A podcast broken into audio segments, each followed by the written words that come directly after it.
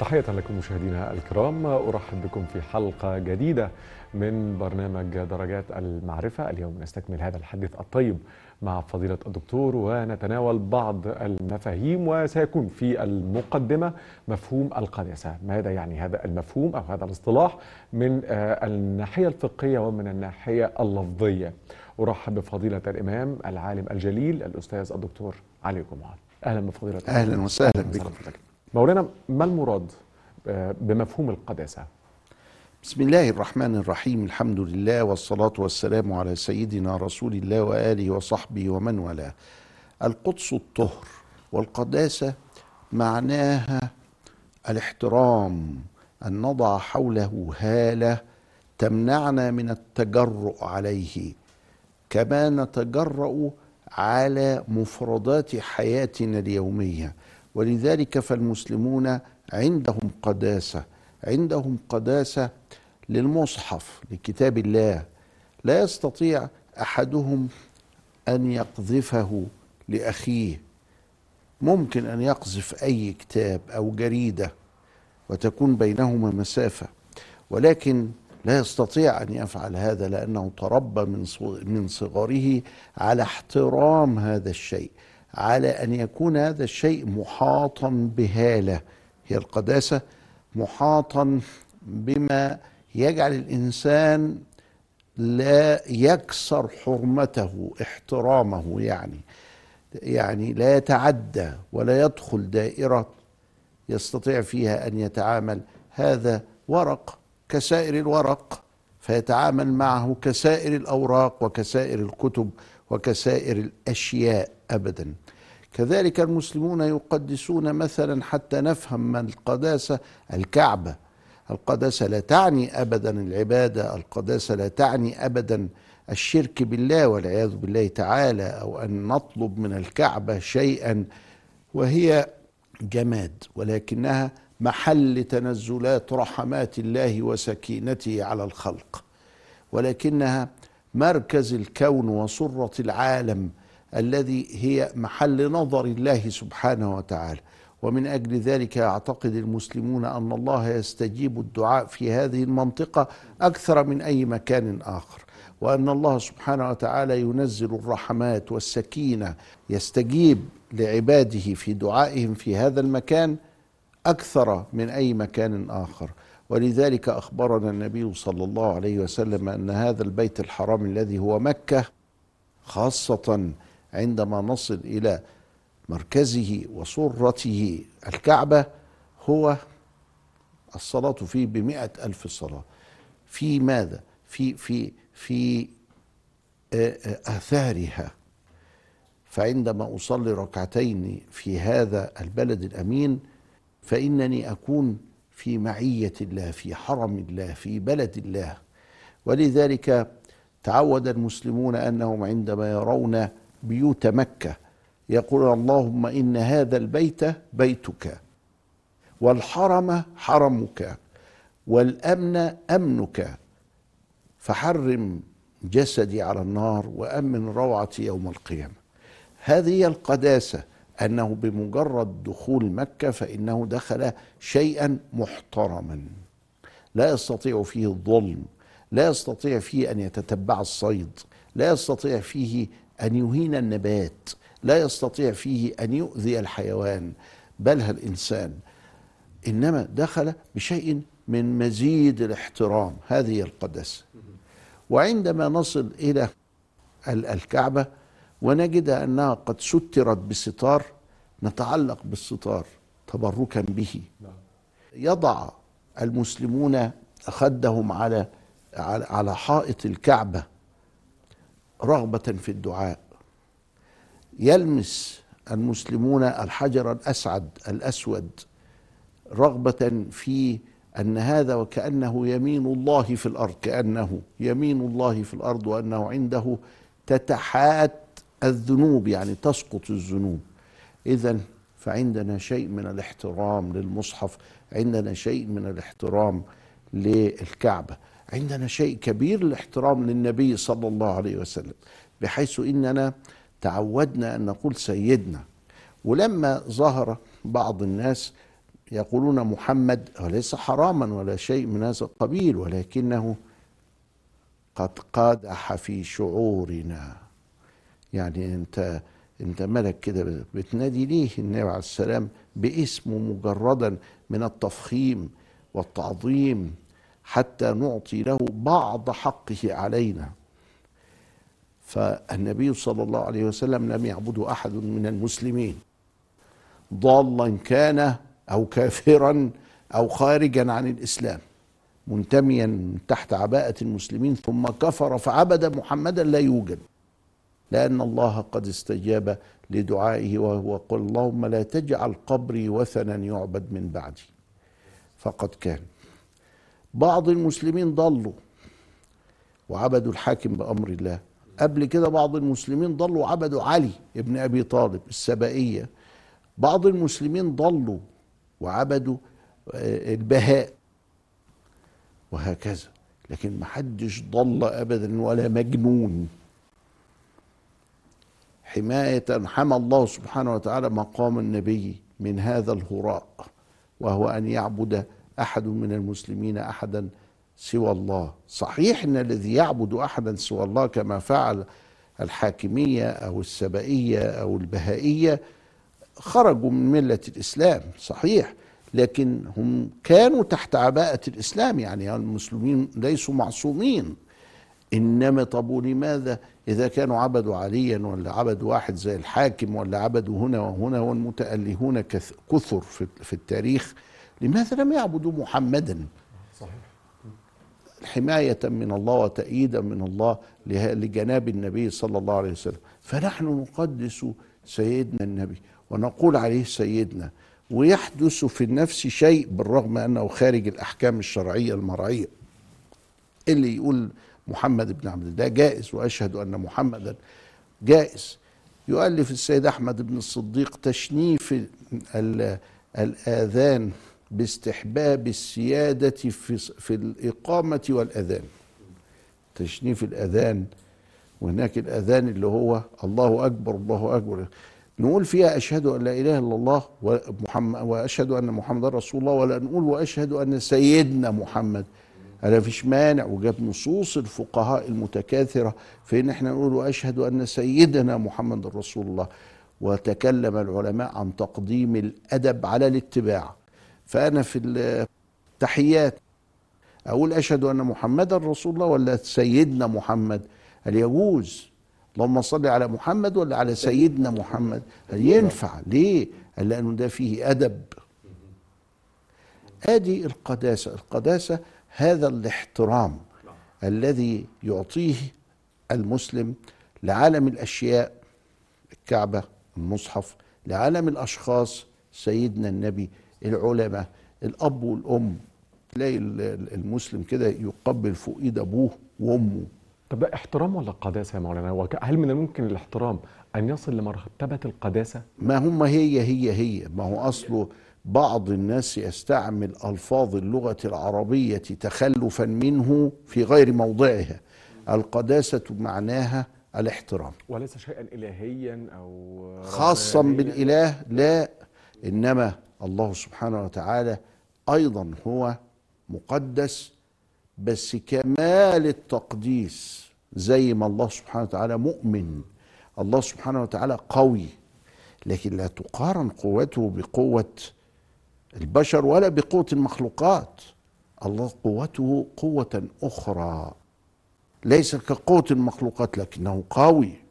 فالله مقدس لكن ليست كهذه القدسات. هذه القدسات تبدأ بالاحترام تبدأ بما هو يحيطه من تبجيل وتوقير. طب وهل نحن نهين حاشانا؟ جل جلال الله لا من نهين يبقى هو في القداسة. أيوه هو في القداسة بس في غايتها. هو في القداسة بس في أعلاها. هو في القداسة بس في نطاق العبودية. يعني في, في نطاق أنه يعبد. يعني هنا مصطلح تقديس البشر ليس مصطلحا خاطئا. تقديس البشر بمعنى احترامهم يا مولانا؟ آه القدس معناها كده. أمال سمينا ليه أورشليم بالقدس؟ لأنها طاهرة لأنها حرم لأنها محترمة لأنها تعلقت بها القلوب لأنها محل نظر الله الصلاة فيها ب 500 صلاة. لأنها آه ده حرم بقى. المدينة كذلك القبر الشريف.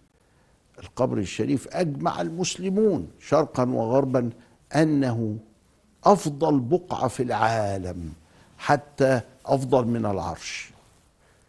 اللي هو ال- ال- المساحة اللي فيها الجثمان الشريف لسيد المرسلين صلى الله عليه وسلم. آه دي قداسة لكن مش عبادة.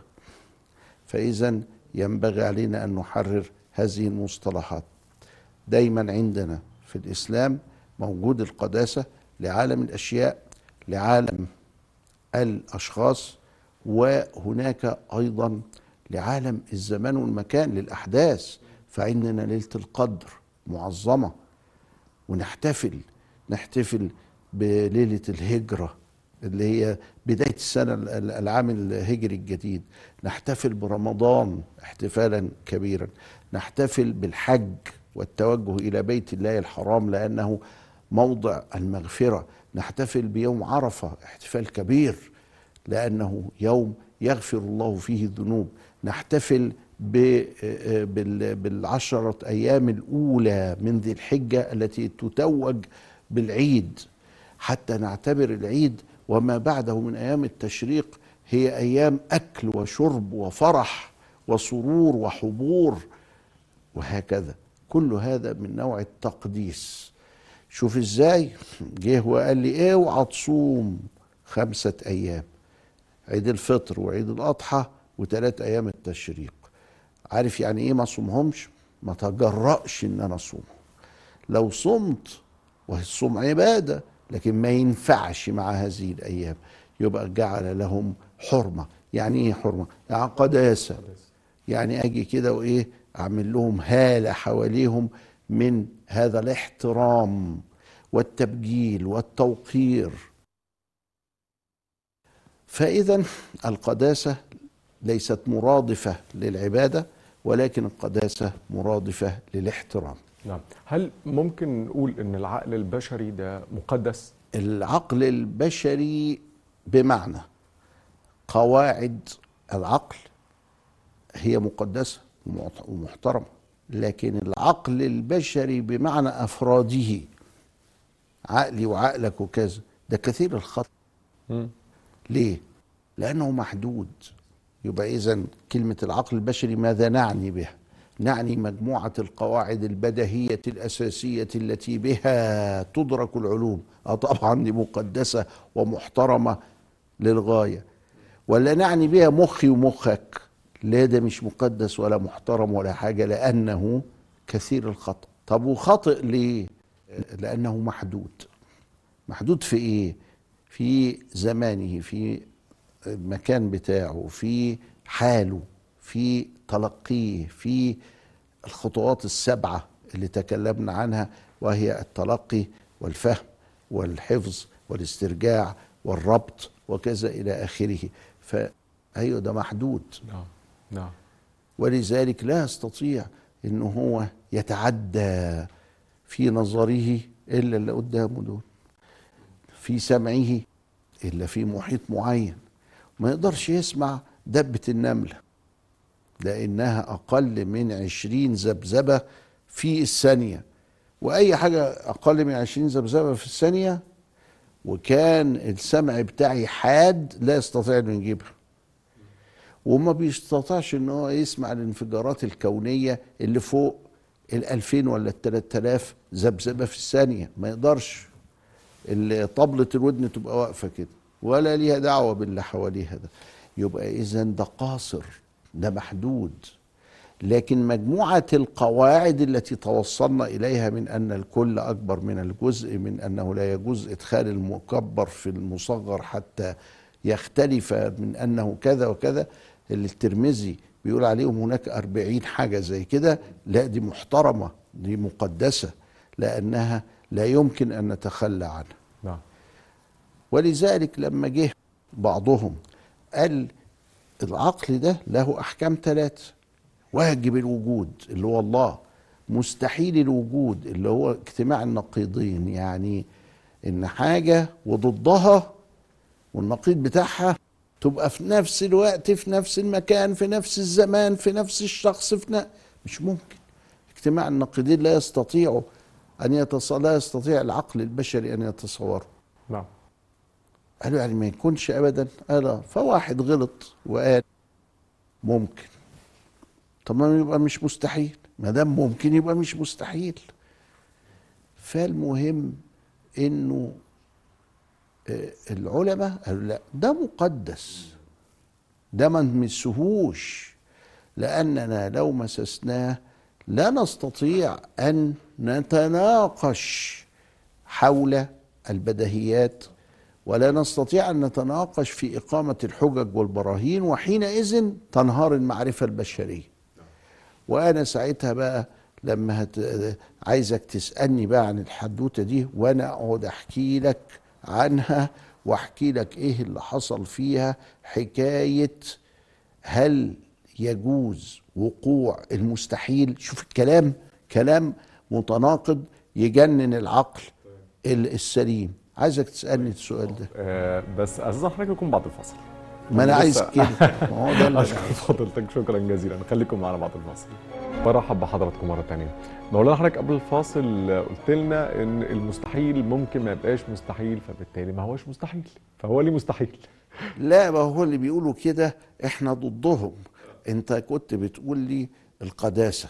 فأنا بقول لك انه في فعلا هل العقل البشري مقدس؟ ده كان السؤال. العقل البشري تعني به إيه؟ مخي ومخك. لا مش مقدس. لكن مجموعة الإدراكات نفسها إنما مجموعة مزايا العقل. الإدراكات وأقسام أحكام العقل لا مقدسة. يعني إيه إيه هي أقسام العقل؟ أو أقسام حكم العقل لا محالة؟ هي الوجوب ثم الاستحالة. ثم الجواز. ثالث الأقسام فافهم. منحت لذات الأفهام. يبقى الشيخ الدردير بيقول لي إيه في الخريدة؟ إن أحكام العقل ثلاثة واجب وقصاده مستحيل وفي النهاية جائز بينهما. إيه هو الواجب؟ الله. طب إيه هو المستحيل؟ اجتماع النقيضين طب إيه هو الجايز الممكن يعني ممكن يحصل منه. فجه منسوب إلى الشيخ محي الدين ابن العربي إنه قال يعني يعني طب افرض حصل المستحيل. فقالوا له اعقل لأن ده مش ممكن يحصل. بالإنجليزي أنا أعرف إنك تعرف إنجليزي كويس. نوعا ما مولانا. واخد بالك؟ يقول لك by definition يعني إيه بالتعريف. يعني التعريف كده المستحيل اللي هو ما بيحصلش. فإزاي تقول لي إن المستحيل حصل؟ ده تناقض ما ينفعش. واخد بالك؟ فاحنا ماشيين مع المدرسة دي اللي هي مدرسة الجمهور الأشاعرة اللي بترد على من جوز عقلا حدوث المستحيل. قلنا له لا ده بقى إيه؟ لخبطة. في بعض الناس لما تثق في الناس تمشي وراها. فطلع واحد من علمائنا الأجلاء اللي إحنا بنحبهم.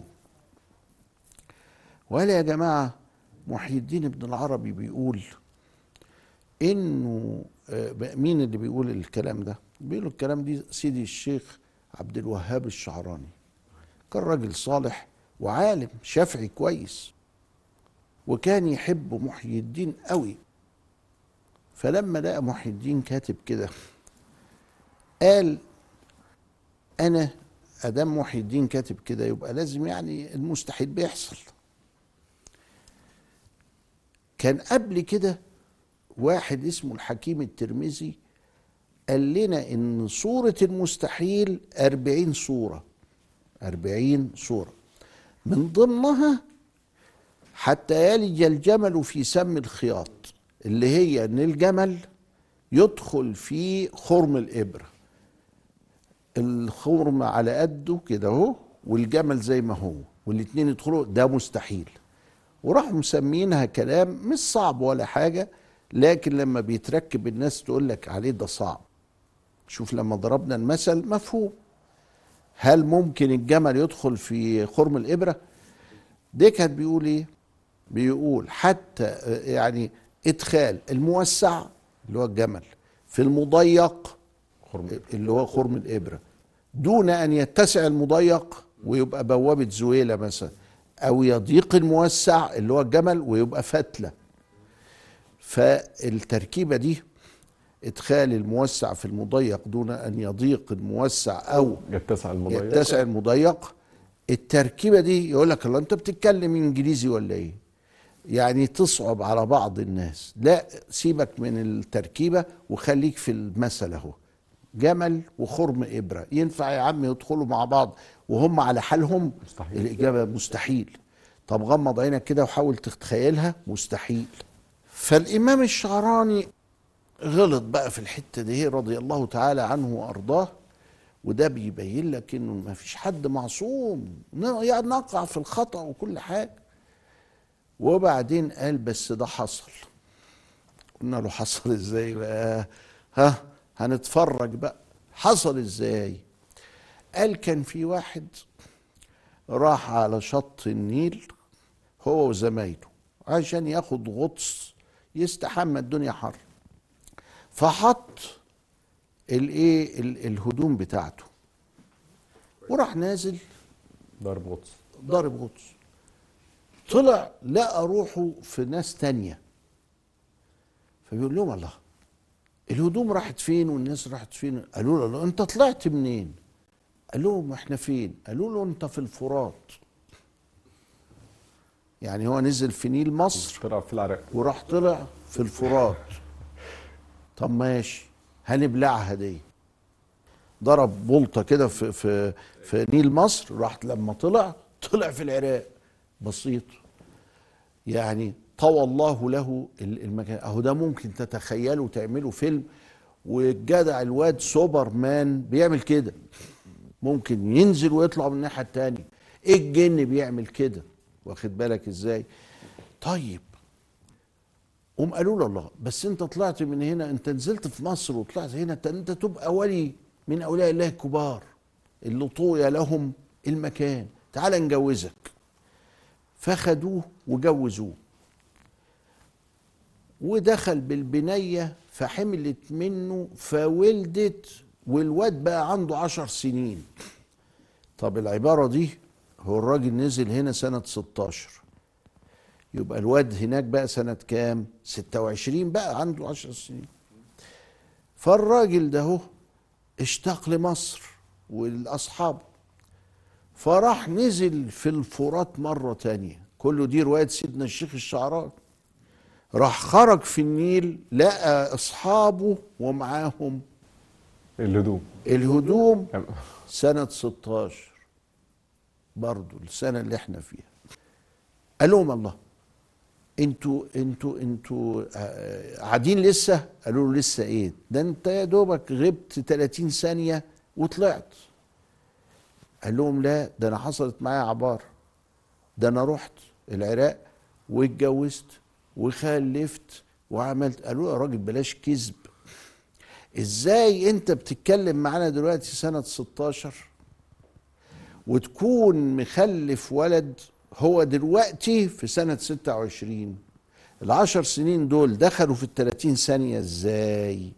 العشر سنين ده موسع. التلاتين ثانية دول مضيق يعني جمل وسم خياط لا يمكن يدخلوا في بعض. فأنت ليه عملت أنت أنت بتقول كده ليه؟ قال لهم بس ده اللي حصل. قالوا له إحنا مش مصدقينك بصراحة. تلقاك حصلت خبطت على راسك ولا تخيلت ولا عملت أي حاجة والرواية دي كلها حصلت لك يمكن قل الأكسجين ولا حاجة. ما كانش فيه بقى ساعتها أكسجين ما يعرفوش. يعني كنت هتتخنق تحت وبعدين طلعت عملت العبارة دي. فراح قال إيه بقى؟ قال إن هو فأرسل إلى الولد فأتوا به. هنا لغاية كده بقى عم الشيخ الشعراوي أنا مش معاك. الشيخ الشعراني. ما هو الشعراوي والشعراني الاثنين نطق واحد سواء كان للشيخ متولي رحمه الله أو للشيخ عبد الوهاب اللي هو عليه باب الشعرية. باب الشعرية ده آه، آه، عبد الوهاب الشعراوي أو الشعراني. ليه بقى؟ يعني زي الفرنساوي الفرن الفرنسي. واخد بالك؟ يعني ساعات بيبقى النسبة تنفع اتنين. ف آه، العقباني العقباوي العقباني والعقباوي فالنون والواو يتواردان في النسبة فهو الشيخ الشعراني أو الشعراوي الاتنين صح. فالمهم إحنا بنقول له يا مولانا الشيخ الشعراني إحنا مش معاك بقى في كده. فكان شيخ مشايخنا الشيخ أحمد ابن الصديق. لما اطلع على هذا الكلام عند الشيخ الشعراني قام راح مسك الورقة والقلم يرد عليه. ده كلام ما يرضيش ربنا ده. ولا تقليده لمحيي الدين يعفيه من من المسألة. فراح مرض.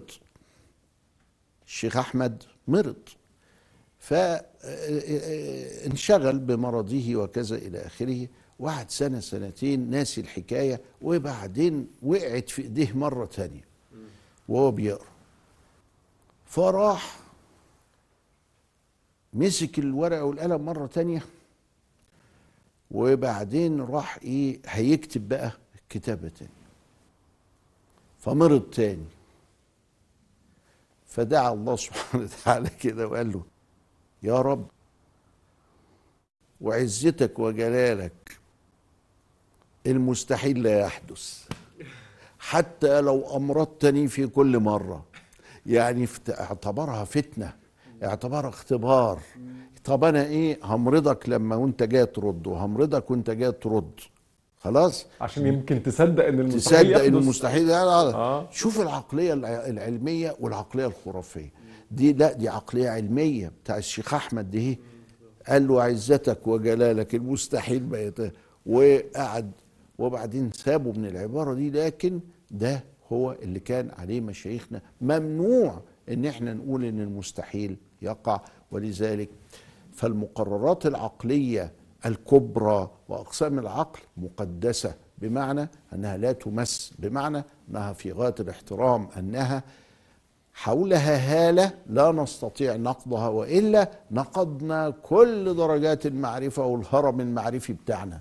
وإلا لا يستطيع الإنسان أن يخاطب أخاه الإنسان ولا يستطيع أن يبلغ الدعوة ولا يستطيع أن يتكلم بمسائل منطقية عقلية مستقرة وينقلب الحال. لكن ممكن يا مولانا أفكر في القداسة بمعنى أن أنا أتساءل لماذا هذا مقدس ولماذا هذا غير مقدس؟ طبعا لأنه في قداسة إلهية وفي قداسة بشرية.